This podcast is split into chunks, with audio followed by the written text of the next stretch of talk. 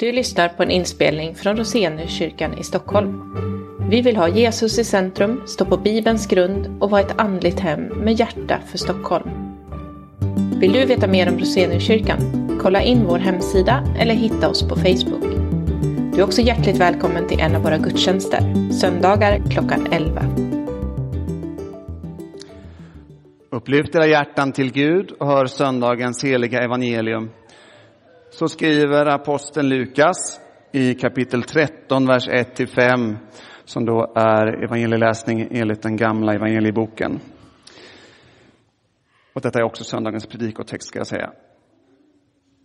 Vid samma tid kom några och berättade för Jesus om galileerna, vilkas blod Pilatus hade blandat med deras offer. Han svarade, tror ni att de galileerna var större syndare än alla andra galileer eftersom de fick lida så? Nej, säger jag er, men om ni inte omvänder er går ni alla under som dem. Eller de arton som dog när tornet i Siloam föll över dem. Tror ni att de var mer skyldiga än alla andra som bor i Jerusalem? Nej, säger jag er. Men om ni inte omvänder er går ni alla under på samma sätt. Så lyder det heliga evangeliet.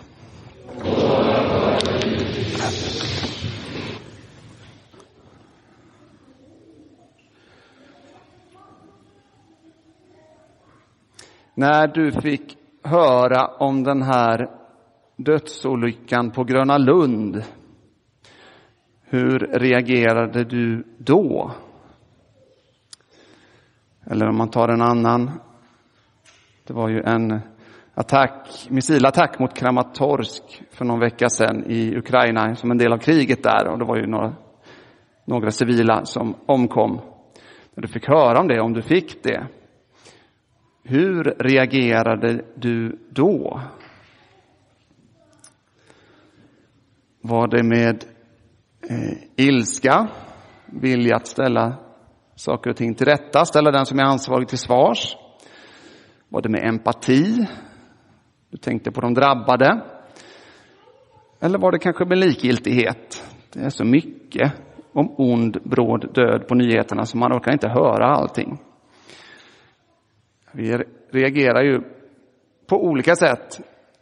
Vissa mer och andra mindre legitima. Men vi reagerar på olika sätt när vi får höra om den här sortens olyckor.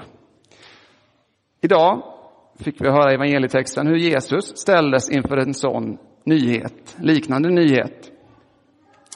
Och jag ska lägga lite tid då på att gå igenom den från Lukas 13. Så har man en bibel med sig så kan man öppna den, Lukas 13. Eh, det är helt okej okay att titta på telefonen också om man har bibeln där. Det kan man också göra. Så är det lite lättare att hänga med. I vers 1 så står det så här. I vers 1 får vi höra hur Jesus ställs inför en sån här nyhet och så ser vi hur han reagerar. Och så försöker vi dra, dra lärdom, ett par observationer ut, av, utifrån hur Jesus reagerar. Och sen så ska jag ha tre tillämpningar också av detta idag. Så två observationer från evangelietexten och tre tillämpningar. Så ser dispositionen ut. Vid samma tid, vers 1, kom några och berättade för Jesus om galileerna vilkas blod Pilatus hade blandat med deras offer. Det var nyheten om den om ond, bråd död som Jesus ställdes inför. Och det här var ju eh, tragisk händelse. Alltså, det var alltså galileer från norra delen av Israel som tagit sig ner till Jerusalem, antagligen för att offra då. Eh, trodde väl i sitt sinne att de var på en säker plats där inför Guds ansikte och möttes av tyrannens svärd. Och huruvida de liksom var skyldiga eller oskyldiga eller, eller om det fanns en bakgrundshistoria till det här, det vet vi inte. Men vi kan förvänta oss att Jesus förväntas reagera på det här med att liksom, eh, uttala sin dom över tyrannen som står bakom det här, kan man nog säga. Därför att det var de stämningar som var aktuella i Israel på den här tiden. Det var ju många som ville göra uppror mot Rom och liksom kasta ut romarna och förtrycket. Och det ledde ju så småningom till eh, Jerusalems förstörelse och sådär lite längre fram. Så Jesus ställs inför den här nyheten, han förväntas reagera. Men han reagerar inte riktigt så som de vill. Han reagerar på ett annat sätt. Han lägger fram någonting annat inför de som kommer och berättar det här. Och det är inte för att han egentligen då tyckte om den romerska ockupationen, utan vid något tillfälle kallar han Herodes för en räv och, och, och sådär. Alltså, men, men det finns någonting viktigare här för Jesus, som han hellre vill fästa uppmärksamheten på. Och det har att göra med två saker då. Här kommer de två observationer. Det har att göra med hur vi ser på andra människor och vad det får för konsekvenser i relation till Gud.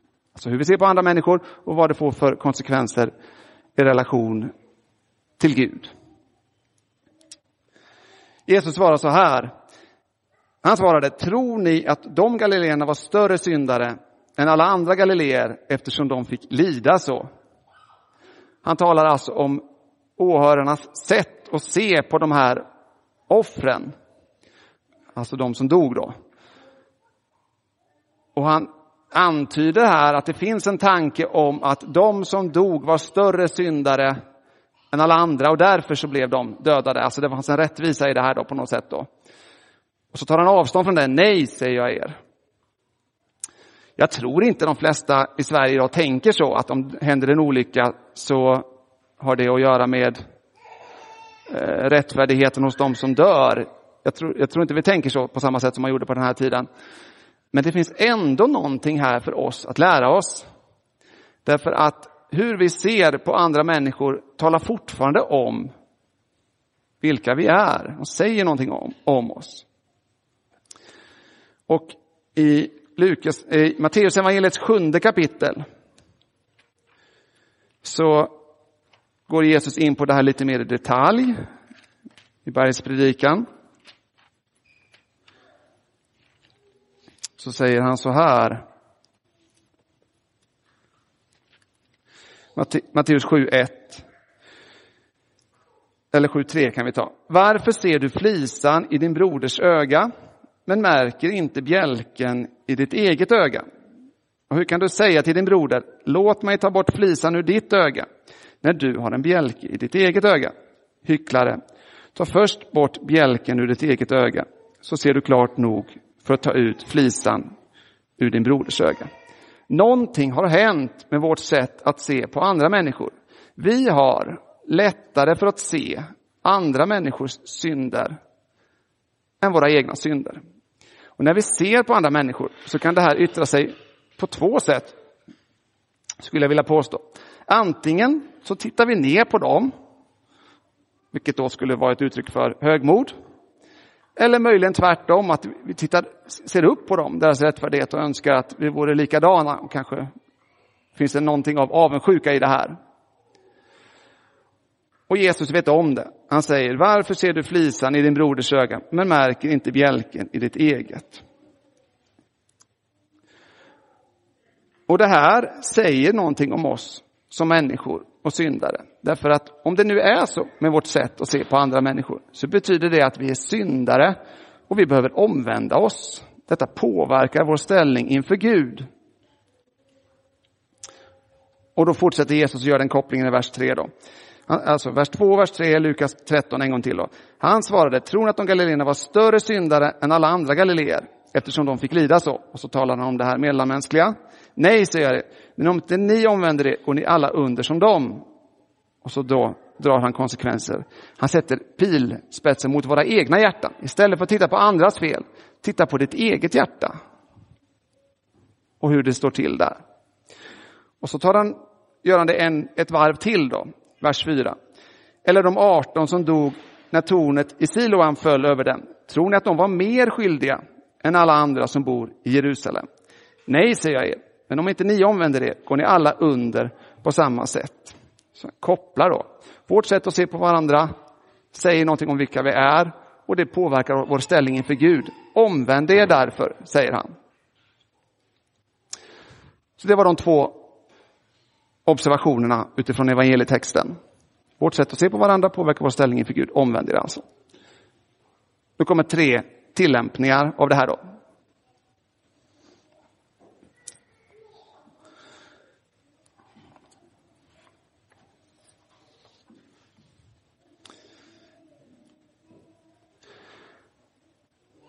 Rubriken i evangelieboken idag var ju Döm inte. Och jag skulle då vilja svänga till det där lite. Istället för att säga då, döm inte andra, så säger döm dig själv, döm ditt eget hjärta. För det första, först då kan du hjälpa andra. Döm ditt eget hjärta, först då kan du hjälpa andra.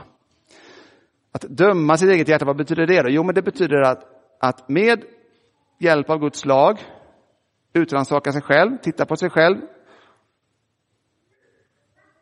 och sin egen rättfärdighet.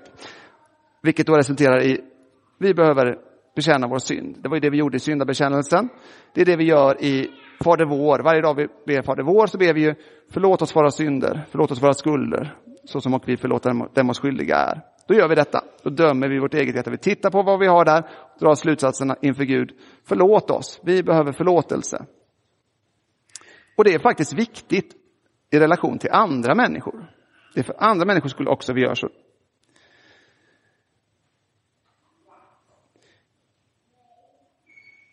Den här synden kommer fram tydligast när vi är trötta eller när vi är stressade. Det vet alla småbarnsföräldrar att det är lättare att vara kärleksfull när man får sova på nätterna.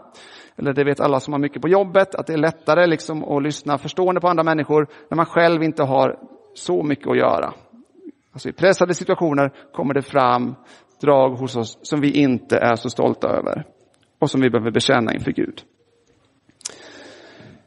Ehm, och detta är viktigt att vara medveten om, också för andras skull. För tänk dig själv, alltså, varken du eller jag tycker väl om att bli tillrättavisade. Men om vi ska bli tillrättavisade, vad är trevligast då? Att bli det av en som själv tycker att han eller hon är perfekt, eller någon som är bekant med sina egna brister? Ja, det är ju det senare, eller hur? Alltså, Guds lag talar om för oss, visar för oss att vi är syndare. Det hjälper oss att hjälpa andra. Och det är det som Jesus talar om då när han talar om flisan och bjälken. Ta först bort bjälken i ditt eget öga, då ser du klart nog till att hjälpa andra. Så det var första tillämpningen. Döm dig själv, först då kan du hjälpa andra. Nu kommer den andra. Döm dig själv, men det har ingenting med ditt värde att göra. Här tror jag att det är lätt att vi förväxlar två saker. Det ena är vår, våra meriter inför Gud och det andra är vårt värde inför Gud. Men Bibeln håller isär de här två sakerna. Det är samme David som i Psaltaren säger, i synd blev jag till, i synd är jag född, i synd blev jag till i min moders liv. Å ena sidan. Å andra sidan säger han, jag tackade Gud för att jag är så underbart skapad. Det ena handlar om våra meriter inför Gud, som är värdelösa. Och det andra handlar om vårt värde inför Gud. Vi är värdefulla, underbart skapade. Nu under sommaren kan man ju passa på att vara ute i Guds natur. Beundra det sköna och det gröna som finns där, allt gott Gud har skapat. Men när du ser det, tänk då på att det var när Gud såg, skapade människan som han sa, detta är mycket gott. Det var när Gud skapade människan som han sa, detta är mycket gott. Människan är den främsta av Guds skapelser och därför har du och jag ett värde i Guds ögon. Man kan se det här i till exempel i Lukas evangeliets 15, 15 kapitel om liknelsen om den förlorade sonen.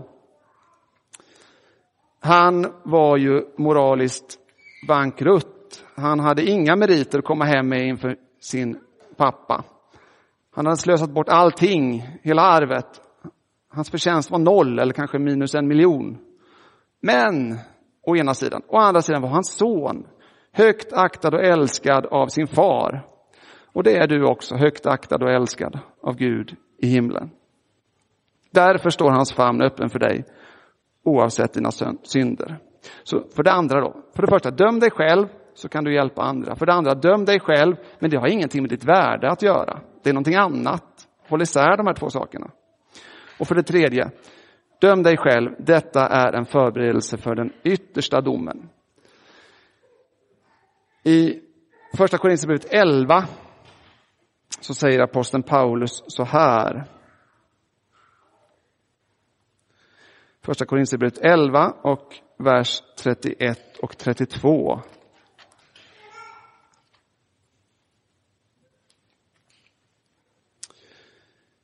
Om vi gick till rätta med oss själva skulle vi slippa att bli dömda. Om vi gick till rätta med oss själva skulle vi bli slippa att bli dömda. Men när vi döms fostras vi av Herren för att inte bli fördömda tillsammans med världen. Om vi gick till rätta med oss själva skulle vi slippa att bli dömda, men när vi döms fostras vi av Herren för att inte bli fördömda tillsammans med världen. Och det kommer vi sjunga om i sången här efter predikan också. Döm mitt hjärta här i tiden innan världen döms av dig. Och när tiden är förliden i ditt domslut, fria mig. Att vi går in i syndabekännelse förbereder oss för den yttersta domen. Jesus kommer tillbaka en dag på himmelens skyar, ska döma levande och döda. Och vi går rätt beredda inför detta om vi redan här och nu under den här tiden låter Guds lag döma våra hjärtan. Och ännu viktigare då, inte bara erkänna att vi är syndare, utan viktigast av allt, ta emot syndernas förlåtelse, avlösningen. Dina synder är förlåtna i Jesu namn och blod. Och Jesus säger ju så här att jag har inte kommit för att döma världen, utan för att världen ska bli frälst. Johannes 3.17. Gud har inte sänt sin son till att döma världen, utan för att världen ska bli frälst genom honom. Och då kan man fundera på, finns det någonting om detta i söndagens evangelium? Kanske. Om vi går tillbaka till Lukas 13 så står det så här. Tror ni att de galileerna var större syndare än alla andra galileer eftersom de fick lida så? Det var de ju inte, men det fanns, eller det skulle komma en man från Galileen som skulle bli en ännu större syndare än alla andra. Och det var ju Jesus själv. Han skulle bli den största syndaren i världshistorien. Inte genom det han själv hade gjort, utan därför att Gud skulle tillräkna honom alla människors synder. Och därför fick han då lida som han gjorde. Han led på korset, dog på korset för dina och mina synder. För att ställa oss rena, heliga, fläckfria inför Gud. För att ge oss ett gott samvete inför den yttersta dagen. För att ge oss glädjen att redan här och nu leva som Guds barn. Ta emot hans kärlek och nåd varenda dag. Och leva det här livet tillsammans med Gud. Redan nu och sedan då efter uppståndelsen och eh, den sista dagen. Så om jag då drar ihop dagens predikan. Så Jesus talar, får idag en sån här nyhet kastad i ansiktet på sig. Och han eh, går inte rakt in i den här fällan att han ska fördöma andra, utan vänder på steken och säger, titta på ditt eget hjärta. Vad säger det om dig? Och gör dig beredd inför att möta din Gud.